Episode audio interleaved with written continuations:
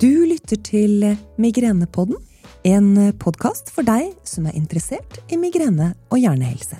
Mitt navn er Jana Middelfart Hoff, og sammen med nevrolog Andrej Kanevski skal vi møte noen av de klokeste ekspertene på feltet for å snakke om hvordan leve med migrene. Migrene er en sykdom i hjernen hvor det hyppigste symptomet er pulserende, ofte svært smertefull hodepine. Smertene er ofte ledsaget av kvalme og brekninger, lysskyhet og følsomhet for lyd. Årsaken til migrene er ikke fullt klarlagt, men smertene kan forårsakes av at blodårene utvides i deler av hjernen. Selv om det kan være ubehagelig, er ikke migrene farlig. Migrene er relativt vanlig. Én av fem vil oppleve migrene i løpet av livet. Migrenepodden er støttet av Teva og Migreneskolen. Ikke alle trenger en nevrolog, men alle trenger fastlegen.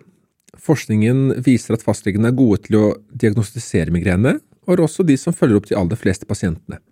I dag skal vi høre litt både fra fastlegen og pasienten. Velkommen til Migrenepodden, podkasten for deg som har migrene, kjenner noen som har migrene, eller bare er interessert i hjernehelse generelt. I studio sitter jeg, nevrolog Jana Middelfart Hoff, og med meg har jeg Andre Kanevski, også nevrolog. Velkommen til deg, Andrej, og velkommen til deg som hører på.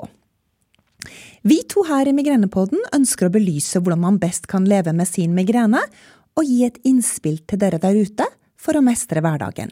Og til det har vi med gjester, og i dag, Andrej, så har vi to stykker med oss. Hvem er det, da? Det ene er Lena, og hun har migrene. Velkommen til deg. Hei, Lena. Hei. I tillegg så har vi med fastlegen hennes, Andrei, og han er faktisk lillebroren min også. Han heter Sven Middelfart og er fastlege ved Nidelven legesenter i Trondheim. Velkommen til deg, Sven. Takk skal dere ha. På sykehuset ser vi mange av de pasientene som har det vanskeligst, men de fleste migrenepasienter blir faktisk fulgt opp av fastlegen, så jeg gleder meg til å høre om erfaringene fra begge sider av bordet. Men hvis du kan øh, starte, Lene, og fortelle litt om deg selv? Ja, jeg heter Lena og er 38 år. Har eh, mann og to barn. Og lever da med kronisk migrene per i dag. Kan du fortelle lytterne når du fikk migrene for første gang? Hva som skjedde da? Eh, første gang var egentlig i barndomsalder. Eh, og jeg husker ikke så mye akkurat det første anfallet, men jeg fikk diagnosen på barneskolen. Eh, og så fikk jeg prøve medikamenter når jeg kom i ungdomsalder, for da ble det verre.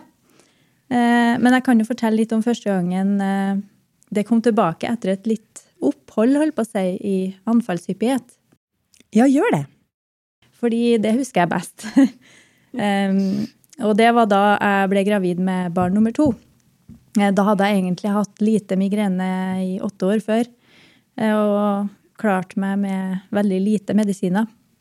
Eh, men så eh, husker jeg den dagen jeg gikk på tur med jobb. Vi gikk opp en, til en liten topp. Bratt motbakke, og så kjente jeg at det begynte å skje ting. Da ble beina veldig tunge. Jeg klarte ikke å løfte med meg føttene. Og så ble hele kroppen veldig nummen og tung. Og når jeg da hadde kommet hjem, så kom det en pulserende, kraftig hodepine som vedvarte i noen dager, da. Eh, og da eh, Ja. Da ble jeg egentlig eh, liggende, da, i tre dager. Når du sa innledningsvis at du har kronisk migrene, eh, kronisk migrene i hvert fall eh, sånn som vi definerer det, eh, er jo minst 15 dager med hodepine i måneden. Har du hatt det siden starten, eller er det noe som har økt på siste årene? Nei, eh, siden, den, eh, siden jeg ble gravid med barn nummer to, så har det vedvart. Og hvordan er kronisk migrene for deg? Um, før jeg fikk komme meg til legen, holdt på å si, og før jeg fikk hjelp til å håndtere det, så var det ganske tungt. Det var um, Man blir jo ikke i stand til å gjøre noen ting eller delta på noen ting. Så for meg så var det litt vanskelig eh, å skulle holde ut den smerten, men å ikke kunne være med på de daglige aktivitetene og på jobb.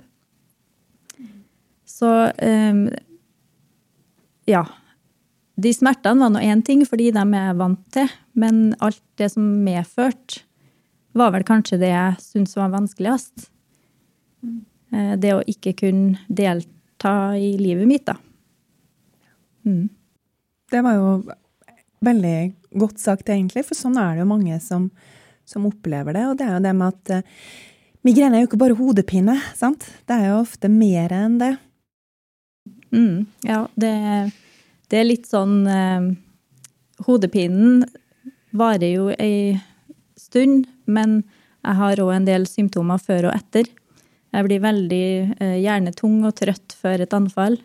Uh, kan bli veldig humørsjuk og irritert. Uh, og jeg skjønner jo som regel litt seint at det er et migreneanfall på vei.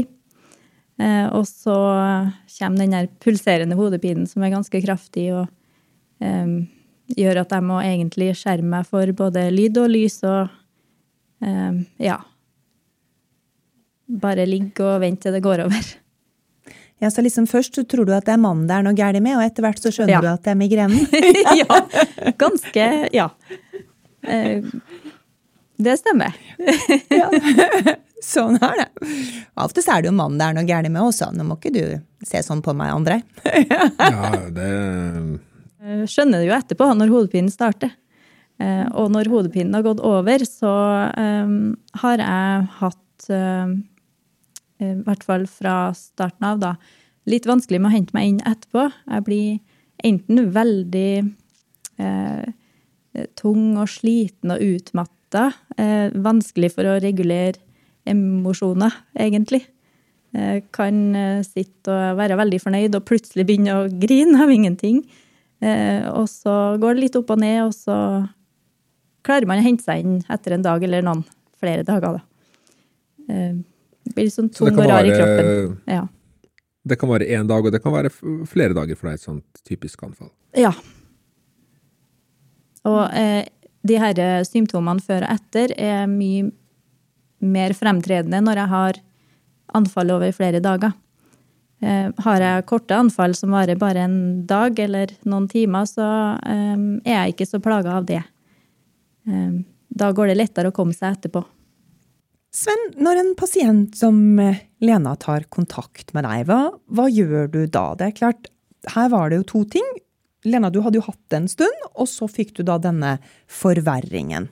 Men, men hvis Lena da hadde kommet til deg første gang hun fikk noe som hun lurte på kunne være med migrene. Hva, hva tenker du da?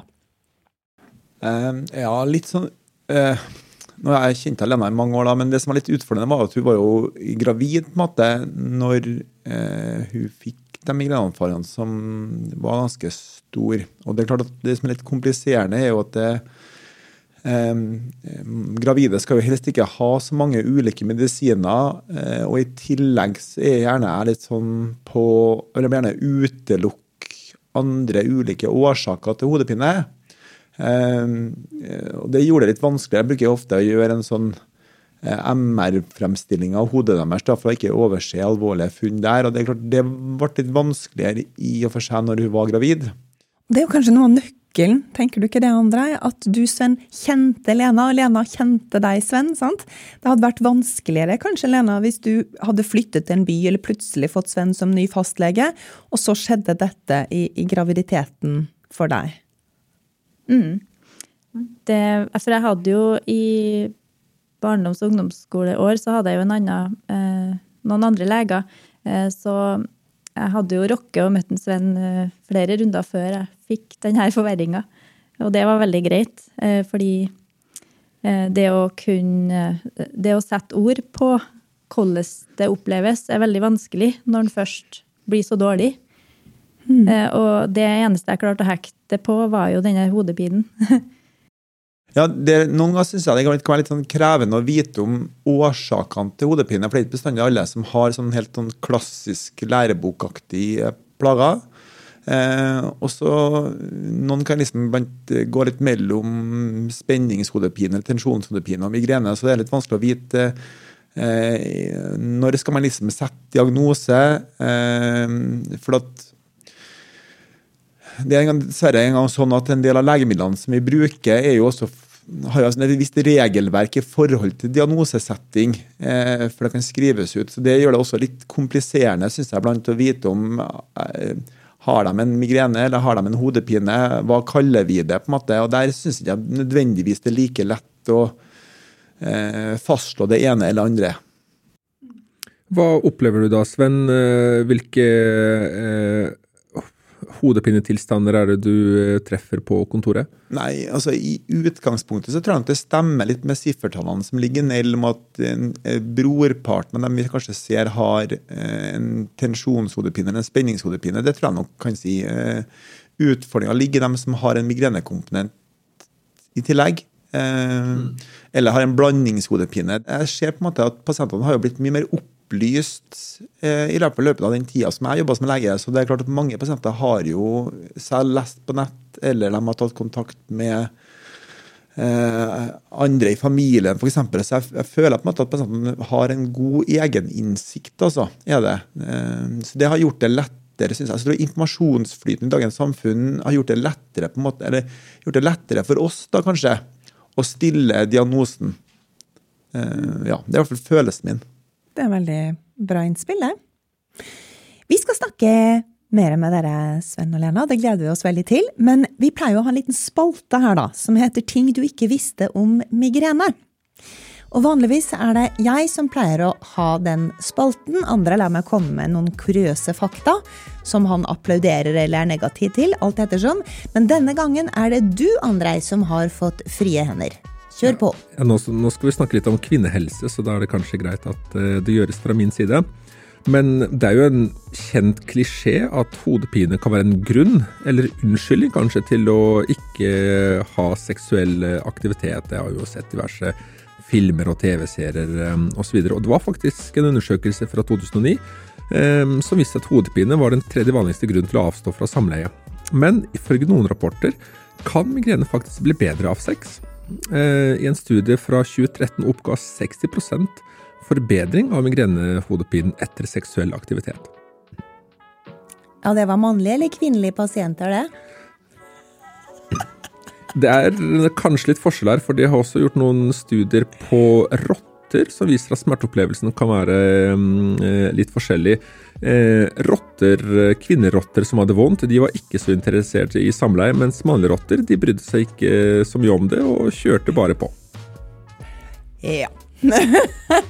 ja, det var definitivt ting vi ikke visste om migrene. Så det var en, en, sånn sett var det veldig nyttig, Andre. Jeg er nå fremdeles litt eh, skeptisk til den forskningen, men eh. Men det som var poenget med den studien, var at når disse kvinnelige rottene fikk smertestillende, Eh, og ble da bedre av sin smerte, så vil de igjen gjenoppta sine seksuelle lyster. Og det kan vi kanskje lære at, at hvis vi eh, behandler våre pasienter godt, eh, så kan de få et bedre liv og samliv. Da kan de leve hele livet. Det var i hvert fall den gode moralen i den fakta. Men tusen takk, André. Thanks for sharing. Jeg vet ikke om du slipper til så mange ganger til, men jo, du skal få lov. Um, men da tror jeg faktisk at vi går tilbake til dagens tema. Du har jo nevnt noen eh, digitale eh, hjelpeverktøy som gjør eh, hverdagen lettere, Sven. Hva med hodepinedagbok? Er det noe du anbefaler pasientene, og Lena, bruker du det selv? Eh, jeg kan svare først, jeg kan la Lena ta det. Eh, ja, altså i som dere kjenner til, så er det sånn at i hvert fall var det før at når man skulle skrive ut ulike anfallsmedisiner, så var det et krav om at hodepinekalender var brukt. Eh, og før, kanskje før telefonene ble så utbredt, så fikk jo de fysisk det i, i, på et A4-ark av oss. Og det er klart at det å fyke rundt med et A4-ark sånn, det blir krevende å forholde seg til. Folk legger det bort. Mm. De husker hvor de har det. Nå er i hvert fall telefonen blitt et bedre verktøy. men fortsatt så tror jeg at det er krevende, kanskje for, sånn som jeg ser det da, for pasientene, å skal begynne å trykke på noen apper hele tida når de har hodepine. Så jeg tror at tanken rundt det er nok veldig flott, men i praksis er det kanskje ikke like lett. Det er iallfall teorien min, da. Hva synes du, Lena? jeg bruker da hodepinedagbok eh, på app eh, eh, litt fordi at det også er et krav i forhold til Jeg går jo hos nevrolog, og der er det krav om å vise fram hvordan hodepinen hadde vært i løpet av de siste elleve ukene, for jeg går jevnlig. Mm. Og da litt for å kunne vurdere òg medisinering og tilpasning til behandlinga. Eh, men for min del har det vært veldig greit å bruke det for å kunne identifisere litt. Eh, fordi at jeg kan se at jeg har kraftigere anfall f.eks. For i forbindelse med menstruasjon. Eh, jeg hadde ikke tenkt så mye på det før, jeg var litt usikker, men når jeg har dokumentert det, så ser jeg det ganske tydelig.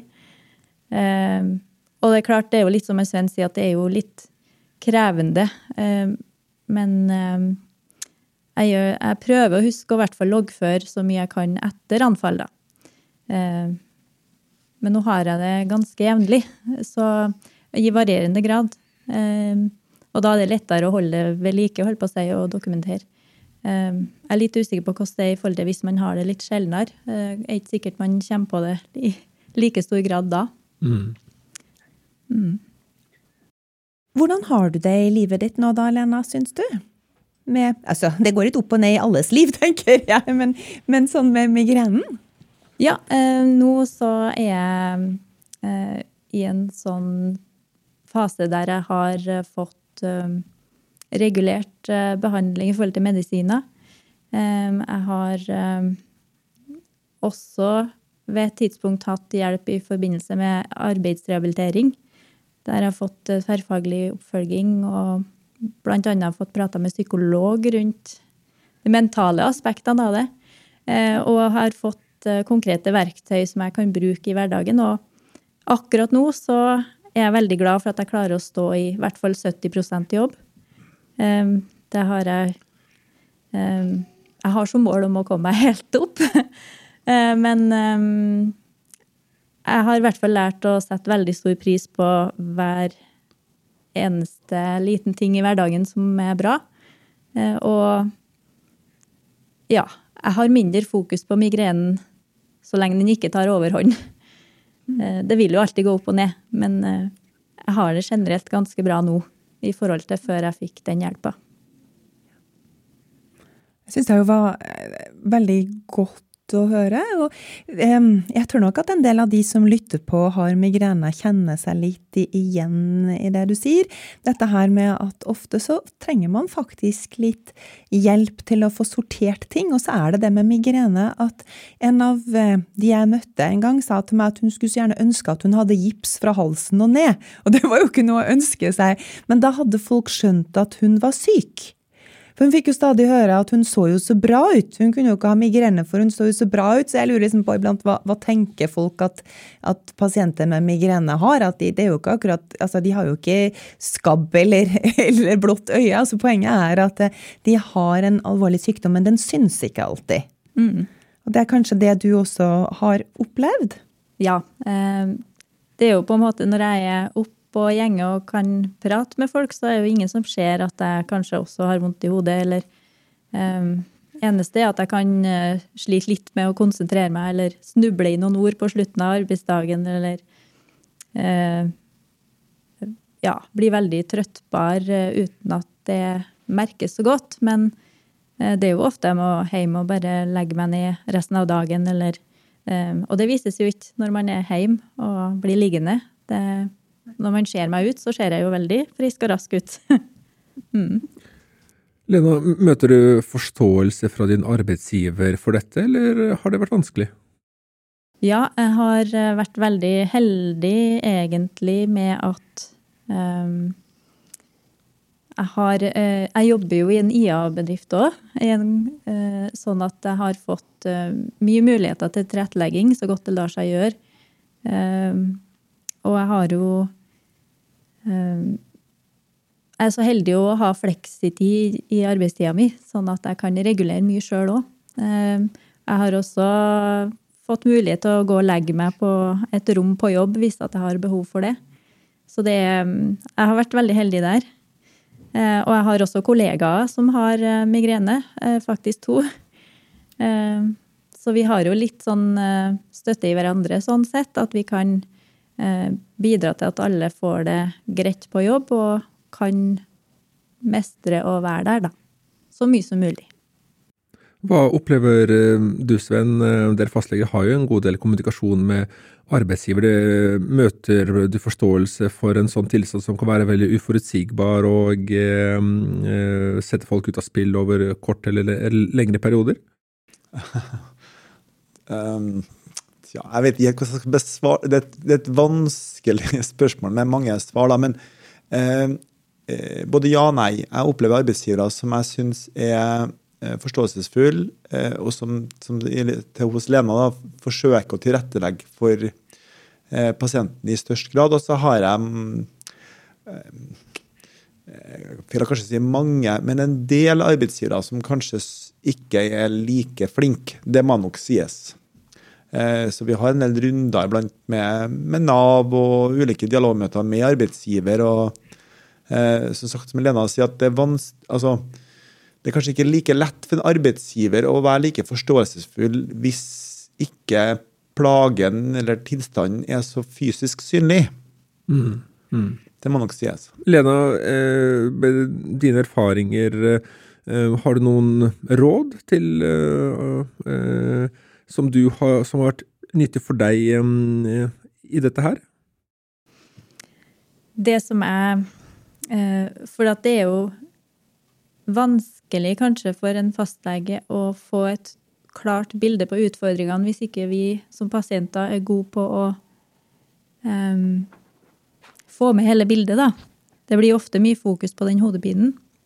Men hvis man har større plager eller det er noe mer i tilknytning til det, så eh, er det kanskje ikke det første som kommer fram på, på legekontoret.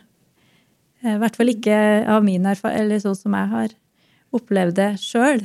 Eh, så for meg så hadde det vært nyttig å i hvert fall skrive ned um, Hvis man oppdager et mønster, eh, skrive ned detaljer på uh, ting som skjer i, i, tillegg til migrene- eller hodepineanfallet, da. Så ha mer fokus på funksjon og hvordan man har det i hverdagen, og ikke nødvendigvis bare denne smerten? Ja, og ikke minst det med aktivitet. Fysisk aktivitet det er jo for meg så var jeg jo lenge litt sånn redd for å eh, For jeg har jo vært glad i å trene eh, eller bevege meg. Så eh, det ble jo en kjempenedtur for meg når jeg ikke lenger klarte det eh, uten å få anfall. Og for meg så skal det ikke så lenge i høy puls til før jeg får migreneanfall. Eh, som gjorde at jeg da ble egentlig mer inaktiv igjen. Um, og jeg har jo gradvis uh, etter hvert fått hva skal jeg si, eh, kjent mer på grensene mine og vet hva jeg tåler og ikke nå.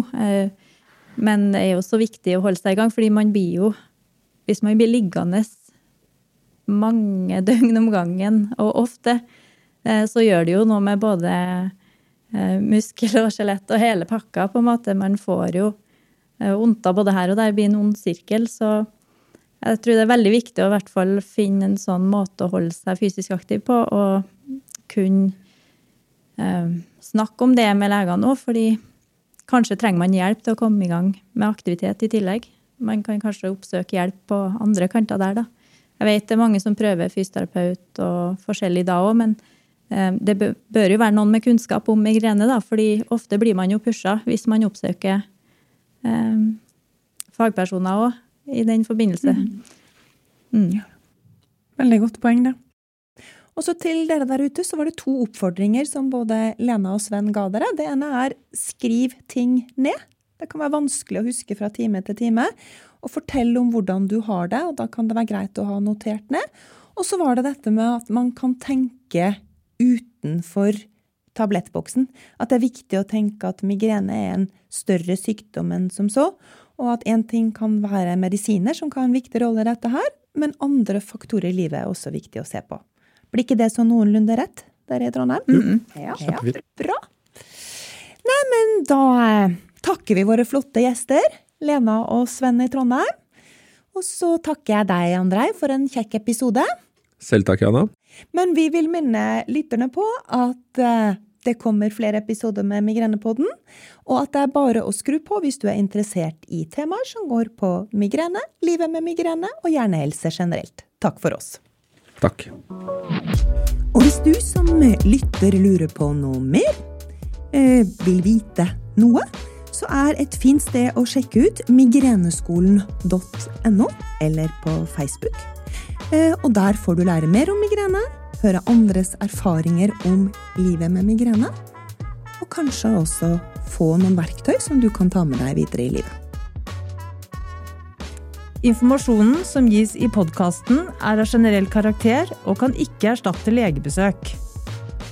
Symptomer som nevnes her, kan også være tegn på annen sykdom, så oppsøk legen din hvis du er usikker eller har spørsmål.